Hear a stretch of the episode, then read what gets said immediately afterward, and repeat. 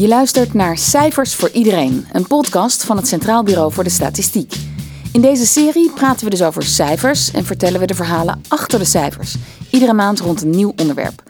En we spreken over de rol van de cijfers in het maatschappelijk debat. Ik ben Liesbeth Staats, ik ben journalist, programmamaker. En het CBS heeft mij gevraagd gesprekken te voeren met de specialisten hier in huis over cijfers die een rol spelen in de actualiteit. Doel van het CBS is steeds het maatschappelijk debat te voorzien van cijfers en duiding.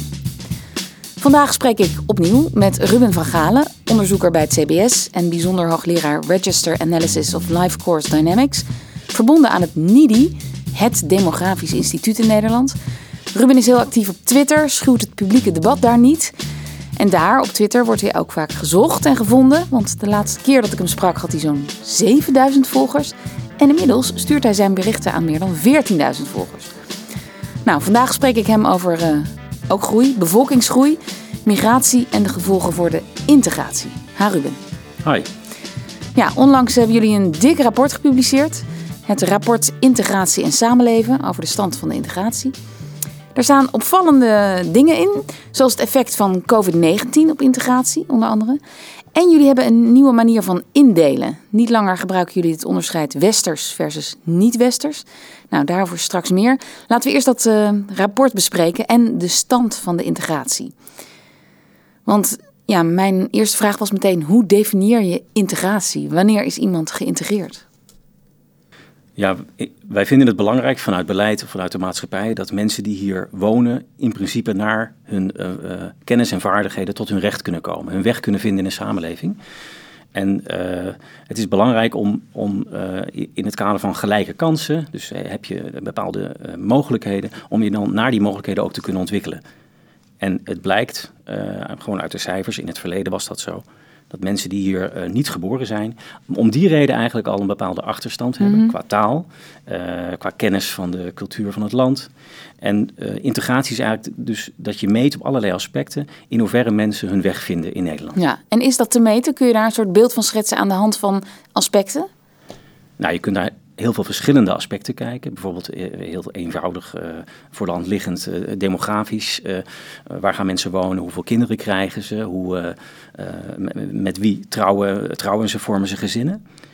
je kunt heel sec kijken naar sociaal-economische kanten. Dus bijvoorbeeld het opleidingsniveau van mensen. Op de mate waarin ze aan het werk komen. Wat voor inkomen ze verdienen.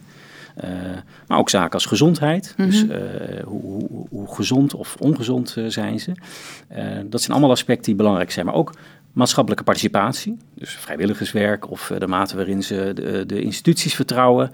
en in hoeverre ze daar verschillen van de gemiddelde Nederlander. Nederlander ja, want um, ik kan me ook voorstellen dat iemand die nou, in een verzorgingshuis werkt, fulltime maar uh, verder niet meedoet aan het verenigingsleven in Nederland, uh, de taal nog, nog spreekt met moeite, is die dan geïntegreerd of niet?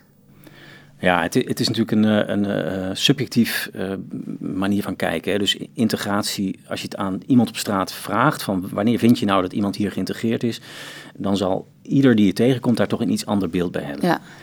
Dus dat is niet zomaar te zeggen. Uh, je kunt ook zeggen het is, uh, je, dat, je, dat je het aan mensen zelf zou kunnen vragen. Voel je je hier geïntegreerd of voel je hier welkom of kan je, kom je hier tot je recht? Dat is een, ja. Je kunt het ook aan de mensen natuurlijk zelf vragen.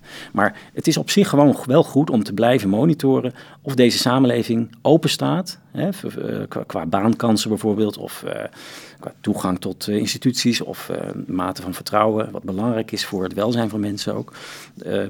Of je moet blijven meten of dat ja. inderdaad zo is. En jullie formuleren dat dan in dat rapport van in hoeverre um, mensen toegroeien naar de gemiddelde Nederlander? Ja, wat, dat klopt.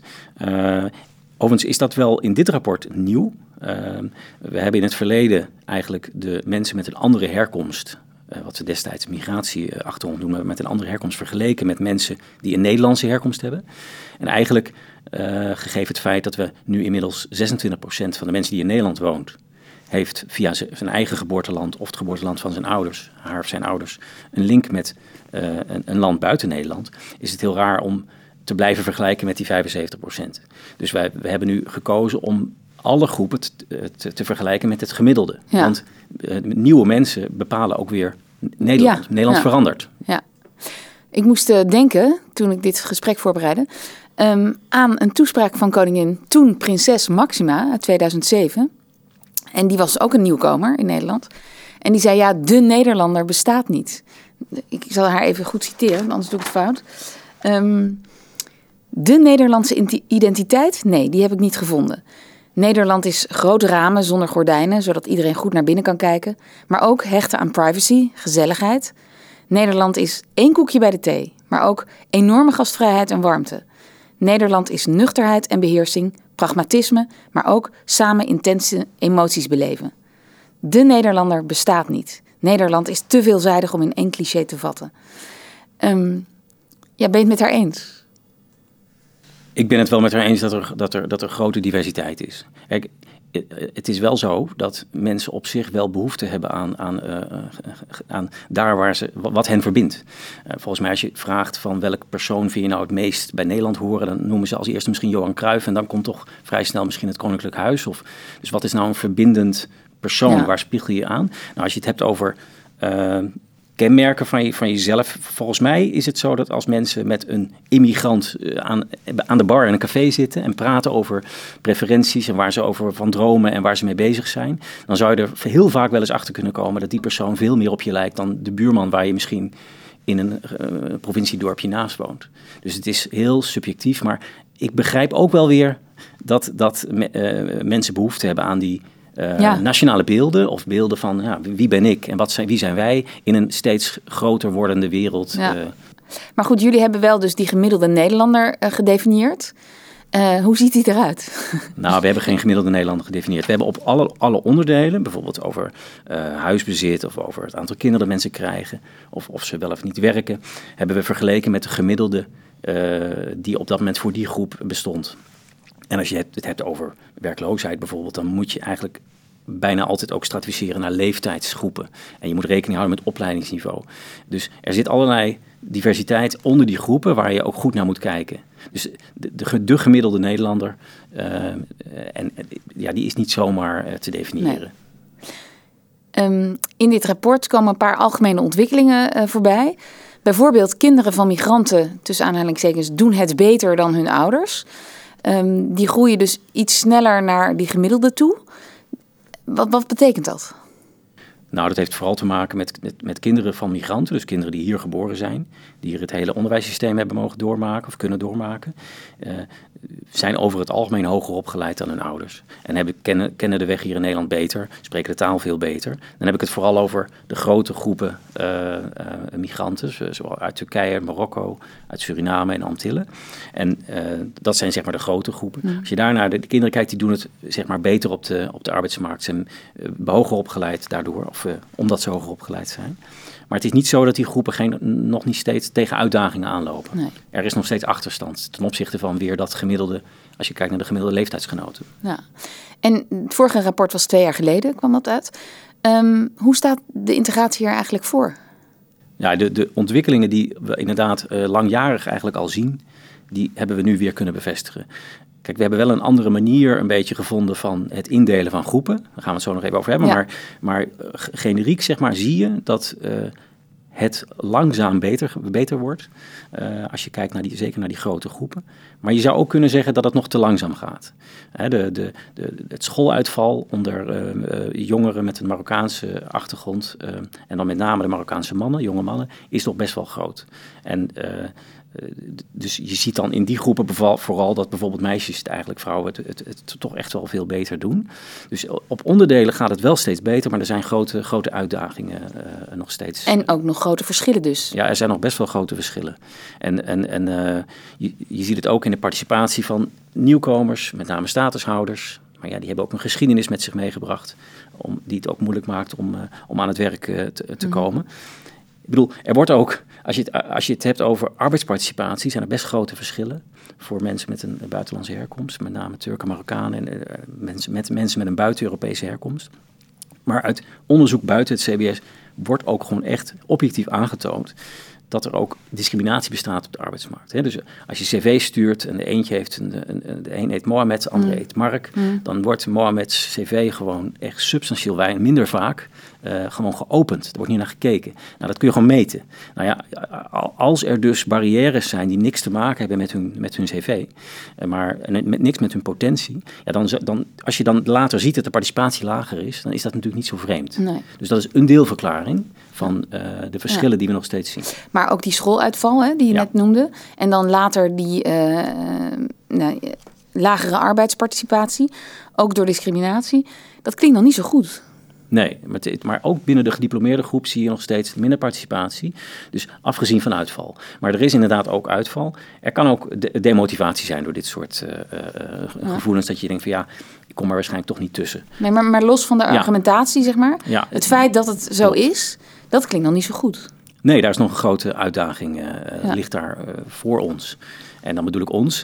Uh, het, het, het, het, is niet alleen maar het, het jezelf, uh, ja, jezelf moeten, moeten invechten, zoals wel eens iemand zei. Je, je moet ook, uh, er moet wel iemand ook misschien het, deur van het slot doen. Maar het, het, het komt altijd van twee kanten. Dus integratie, en waar we over begonnen, is niet een proces van alleen maar één persoon. Het is echt ook iets van, van de samenleving.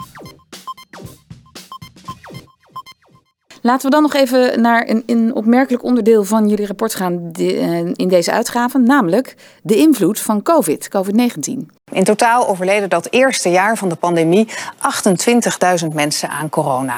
Dit blijkt uit onderzoek van het Centraal Bureau voor de Statistiek naar de sterfte tijdens het eerste jaar van de coronapandemie. Vooral mensen met een Marokkaanse, Turkse en Surinaamse achtergrond liepen meer risico op sterfte door COVID. Van alle sterfgevallen onder deze groep was bij ruim 25% corona de oorzaak. En ook onder Turkse en Surinaamse Nederlanders stierven naar verhouding veel meer mensen aan corona dan gemiddeld. Ja, dit fragment gaat over oversterfte. Maar in dit rapport kijken jullie vooral naar ziekenhuisopnames en IC-opnames door COVID. En wat blijkt daaruit? Daar blijkt net als uh, bij de sterfteanalyses dat inderdaad uh, personen met een Marokkaanse, Turkse of Surinaamse herkomst een grotere kans hadden om wegens COVID opgenomen te worden in het ziekenhuis.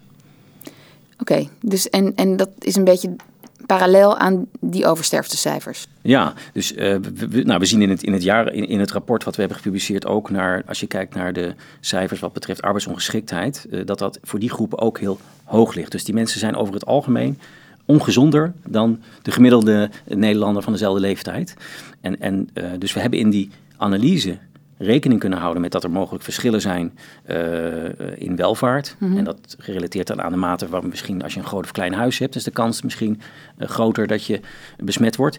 We hebben ook rekening gehouden met het aantal mensen dat ze in huis met, met, wie ze Grotere samenwonen. gezinnen. Ja. ja. en dan als er meer mensen in en uitlopen, is ook grotere kans op besmetting. Maar allemaal los daarvan, dat verklaart maar 30, 35 procent van de verschillen, is er nog steeds echt een verhoogde kans voor deze groepen om zowel te, in het ziekenhuis te komen als dus te overlijden aan corona. En, en hebben jullie enig idee hoe dat komt? Los van die besmettingssituatie? Nee, dus ja, wij, nou, misschien hebben we dat nog niet eh, helemaal kunnen vatten met, met de dingen die we hebben toegevoegd aan het model. Maar uh, het is niet uh, uit te sluiten, of tenminste, we weten dat ook de gezondheidstoestand van deze groep sowieso dus minder goed is. Dus als je al onderliggende aandoeningen hebt uh, die te maken hebben misschien met een moeilijk arbeidsverleden. Mm -hmm. Mensen hebben uh, uh, onder slechte omstandigheden gewerkt. Daarom zitten ze ook nu in de arbeidsongeschiktheid te wachten tot ze AOW mogen ontvangen. Of ze hebben inmiddels AOW en zijn gewoon ongezond. En het kan ook te maken hebben met, met, met onderliggende zaken die in die groepen vaker voorkomen. Zoals suikerziekte en een hoger BMI, dus zwaarder zijn. En dat helpt ook allemaal niet als je besmet wordt. Nee. Um, na een periode van economische groei las ik, waarin de sociaal-economische positie van de meeste buitenlandse herkomstgroepen verbeterde, ten opzichte weer van dat gemiddelde in Nederland, werd 2020 gekenmerkt door een terugslag voor alle herkomstgroepen ten gevolge van de pandemie. Dus dat betekent dat die groei die was ingezet, over de, wat betreft de sociaal-economische positie, die kreeg een tik ja. door die pandemie. Maar geldt dat niet voor heel veel Nederlanders? Jawel, maar, maar, maar je ziet dat, dat, dat uh, toch deze groep um, gemiddeld genomen vaker in uh, ja, iets onzekerdere banen werkt. Ook in sectoren die door de pandemie nogal uh, st sterk zijn ge, ge, ge, geraakt. Zoals? Zoals de, de, de horeca, um, evenementenbranche, dus meer die... ook in de, in, de, in de beveiliging. Of, dus die banen zeg maar, waar zij met name actief zijn, ja, die, die, die, waren, ja, die, die, die, die, hielden eerder op zeg maar, in, de, in coronatijd. Ja. Dus dat, dat, dat heeft daar op zich mee te maken. Ook nog een uh, opmerkelijk feit uit jullie rapport. Binnen die vijf grote buiten-Europese herkomstgroepen, zoals jullie dat formuleren, vormde de Indonesische herkomstgroep een uitzondering. Wat was die uitzondering? Nou, die uitzondering is dat die groep een heel ander migratieverleden heeft uh, met Nederland dan de andere groepen die, de, zeker de Turkse en Marokkaanse groep, die met name via gastarbeiderschap hier kwamen.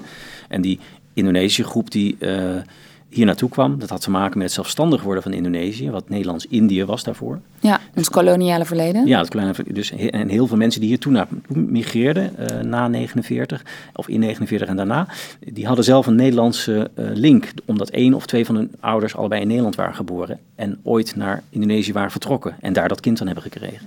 Dus ze hadden een hele andere startpositie. En er zijn natuurlijk ook mensen die van origine Indonesisch zijn maar met die Nederlandse cultuur te maken kregen. Ja. Dus toen ze hier kwamen al makkelijker integreerden. Ja, ze spraken heel vaak de taal al heel goed. Uh, en het, het waren over het algemeen gemiddeld genomen en ook wat hoger opgeleiden die hier ook kwamen. Nou, die hebben een hele andere positie. Maar het is een vrij vergrijsde populatie inmiddels. Ja, maar dat zie je dus wel nog steeds, dat Indonesische uh, migranten sneller integreren. Nou, de huidige Indonesische migranten verschillen wel weer heel erg van die groep. En dat, en dat is ook uh, dat maakt die groep wat heterogeen, maar het is wel een heel klein groepje.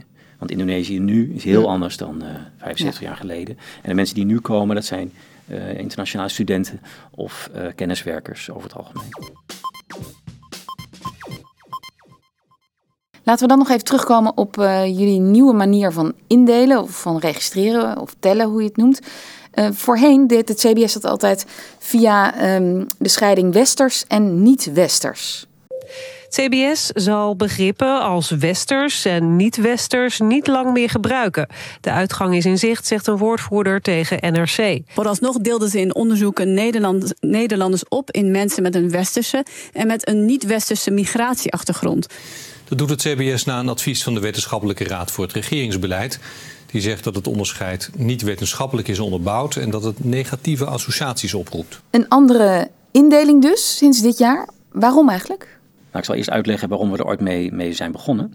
Voor de bevolkingsprognose die het CBS maakt, is het belangrijk om veronderstellingen te hebben over het kindertal wat mensen zullen krijgen in de toekomst. Uh, de, de, mate waarin er mensen naar Nederland zullen komen en ook mm. weer Nederland zullen verlaten. En we hebben veronderstellingen over hoe de levensverwachting ontwikkelt. Eind jaren negentig. Uh, en daar bleek het belangrijk genoeg te zijn, zeg maar, om onderscheid te maken naar, deze, naar de driedeling Nederlandse herkomst, westers, niet-westers. Als je kijkt naar dit soort uh, demografische uitkomsten. En onder de motorkap zeg maar, van die driedeling, zoals we het presenteerden, hadden we ook naar de verschillende subgroepen verschillende veronderstellingen. Maar we, zijn, we hebben dat altijd gepresenteerd als Nederlands, Westers, niet-Westers. En dat zijn we gewoon gaan doen. En dat is ook overgenomen door mensen buiten het CBS, instituten, overheidsinstellingen. En ook het CBS zelf ging ook statistieken maken en aggregeren naar die driedeling. En dat was op dat moment eigenlijk best een goede indeling. Want het, het waren zeg maar best begrijpelijke uh, onderliggende groepen die erin zaten. Maar inmiddels is er zo ontzettend veel veranderd en zijn er zoveel nieuwe groepen naar Nederland gekomen. Uh, dat het eigenlijk heel moeilijk uit te leggen is uh, waarom je die driedeling zou gebruiken. Kun je, kun je een voorbeeld geven? Nou, bijvoorbeeld niet-westers de associaties die mensen bij niet-westers hebben, los van dat het semantisch niet zo mooi is, dat iemand niet-westers is, mm. alsof westers een soort eindstadium is van de mensheid. Maar uh, daar zitten hele verschillende groepen in. Daar zitten, uh, destijds waren het vooral Turken, Marokkanen, mensen uit Suriname en Antillianen. Die hadden een cultureel andere basis zeg maar, dan, dan in Nederland. Maar er zitten nu mensen uit Afrika, samen met mensen uit Zuid-Korea, China, ja. Uh, uit... uit, uit, uit um... Ja, dat kun je eigenlijk niet meer samenvatten. Dat... Nee, want de motieven, de migratiemotieven van die mensen, vluchtelingen samen met kenniswerkers, en suggereren dat het zinniger is om naar inkomen of uh, hm. de kans op betaald werk naar die groep ja. te gaan kijken, is eigenlijk uh, nee. niet precies genoeg. Dat is het. Het is niet precies genoeg. Je, je weet niet zoveel als je een groep niet-westers noemt. Nee, we hebben het veranderd, deze indeling dus, omdat we uh, daarmee uh, zeker weten uh, dat de statistieken preciezer worden. En de associatie bij niet-westers is ook negatief geworden. De, de, de, het is nu wel zo dat wij de subgroepen die daaronder zitten, zeg maar, als je die apart benoemt, dan worden wel eens de verschillen ook, als je het hebt over negatieve uitkomsten, ook groter. Hm. Maar ik wil trouwens ook nog even zeggen dat we los van die driedeling ook al jarenlang de groepen afzonderlijk ook allemaal al benoemd hebben. Het is niet zo dat, dat we nu iets doen wat we nooit deden. Alleen die aggregatieslag naar die driedeling, die is achterhaald. En die hebben we vervangen. Dus dat lees je ook niet meer in jullie rapport? Nee, dat lees je niet meer in ons rapport. Dan het onderwerp migratie, nog even uitgezoomd. Um, ja, dat zorgt altijd voor emotie en soms ook ophef. De Nederlandse bevolking groeide dit jaar al met 191.000 mensen. Dat is meer dan een verdubbeling vergeleken met de groei vorig jaar. Blijkt uit cijfers van het CBS. Die toename komt vooral door immigratie. Een derde van immigranten is een nieuwe groep, Oekraïners. Bijna evenveel komen uit de rest van Europa. Nederland is een plek waar veel werk is en dat trekt mensen aan. Ze werken bijvoorbeeld in de kassen, in distributiecentra en in de bouw. Ook komen er uit heel Europa veel studenten naar Nederland. 20% komt uit Azië. Verder nog 6% Nederlanders die terugkeren uit het buitenland, de remigranten, en 13% overig. Asielzoekers, die vaak zo beeldbepalend zijn voor immigratie, vormen in werkelijkheid dus een minderheid onder de nieuwkomers. Ik vind gewoon dat ze wel moeten stoppen om alles maar binnen te halen. Want het kan gewoon niet meer. Er is geen plek meer voor heel veel mensen. Als iedere gemeente in Nederland nou eens 1% zou gaan opvangen van hun inwoneraantal, dan kun je 1,7 miljoen mensen opvangen. Ja, dat is het probleem over. Eerst maar naar de cijfers, de harde cijfers. Hoeveel migranten telt Nederland? Begin dit jaar telde de Nederlandse bevolking 17,6 miljoen inwoners. En 2,6 miljoen mensen daarvan waren niet in Nederland geboren. Oké, dus dat zijn mensen die hier naartoe zijn gekomen? Ja, die hier naartoe zijn gekomen. Maar dan heb je ook nog de mensen die geboren zijn uit ouders die hier naartoe zijn gekomen, maar zelf wel in Nederland zijn geboren. Zijn dat dan ook nog migranten? Dat zijn geen migranten, dat zijn kinderen van migranten. Uh, en dat zijn er nog eens 2 miljoen. Uh, dus samen vormen ze 26% van de Nederlandse bevolking. Ja, en, maar daar horen dus ook mensen bij die niet migrant zijn. Ja, dus die, de kinderen. De tweede generatie. De tweede generatie, zo noemen we dat ook in het rapport. Uh, en het, het, is natuurlijk logisch dat mensen die hier komen, zijn over het algemeen gemiddeld relatief jong. En die krijgen op een gegeven moment ook kinderen. Ook heel vaak met, met mensen die hier al wonen. Ja. Dus het zijn 2 miljoen mensen die één of twee ouders hebben die niet in Nederland zijn geboren. En dan als je naar die groep kijkt, dan zijn personen met Turkse, Marokkaanse, Indonesische, Surinaamse of Nederlands-Caribische herkomst de grootste uh, groep vormen die van de buiten-Europese herkomstgroepen. Klopt. Zeg ik dat goed? Ja. Um, en als je kijkt naar al die groepen die naar Nederland migreren, of de mensen die hier komen, wat zijn dan nu de trends? Ja, de, de, kun, je, kun je over trends spreken? Ja, je kunt wel van trends spreken. Dat heeft met name met de eenwording van, uh, van de EU, of de uitbreiding van de EU te maken. Uh, toen het mogelijk werd om, uh, als je in een ander EU-land wilde werken, dat je dat gewoon mocht. En er zijn landen bijgekomen waar heel veel mensen waren die heel graag elders wilden werken. Dus er zijn heel veel mensen uit Polen, uit Bulgarije, uit Roemenië, die zijn naar Nederland gekomen om hier hun, hun, werk, hun arbeid aan ja. te bieden. En er was veel vraag naar die mensen en, en dat is er nog steeds. Ja, en dan denken we vooral aan de kassen, ja. Uh, werk in de Slachterijen in de bouw, uh, in, in, in, überhaupt in de landbouw. Daar waar heel veel manueel productiewerk nodig is. En nog steeds veel wordt gedaan. Komkommers plukken, tomaten plukken in de, in de kwekerij van champignons. Uh, daar, daar, zijn heel veel handjes nodig, met alle respect voor die handjes hoor. Maar de, de, en, en, wij zijn ook gewend dat die sectoren ook uh, ja. relatief goedkope producten leveren. Dus het is voor. Het is een systeem geworden. Het is een systeem geworden van uh, ook een afhankelijkheid uh, van die arbeidsmigranten. arbeidsmigranten. Ja, kunnen we nog zonder eigenlijk? Nou, die sectoren zouden op deze manier niet zonder kunnen. Dat zeggen de, de, de bedrijven zelf ook. Hè. Dus die, die zouden in de problemen komen als het opeens niet meer zou mogen binnen de EU. Nee, maar de Nederlandse bevolking groeit het hardst het afgelopen decennium vooral door migratie, hè, door ja. de nieuwkomers, mensen die van elders hier komen.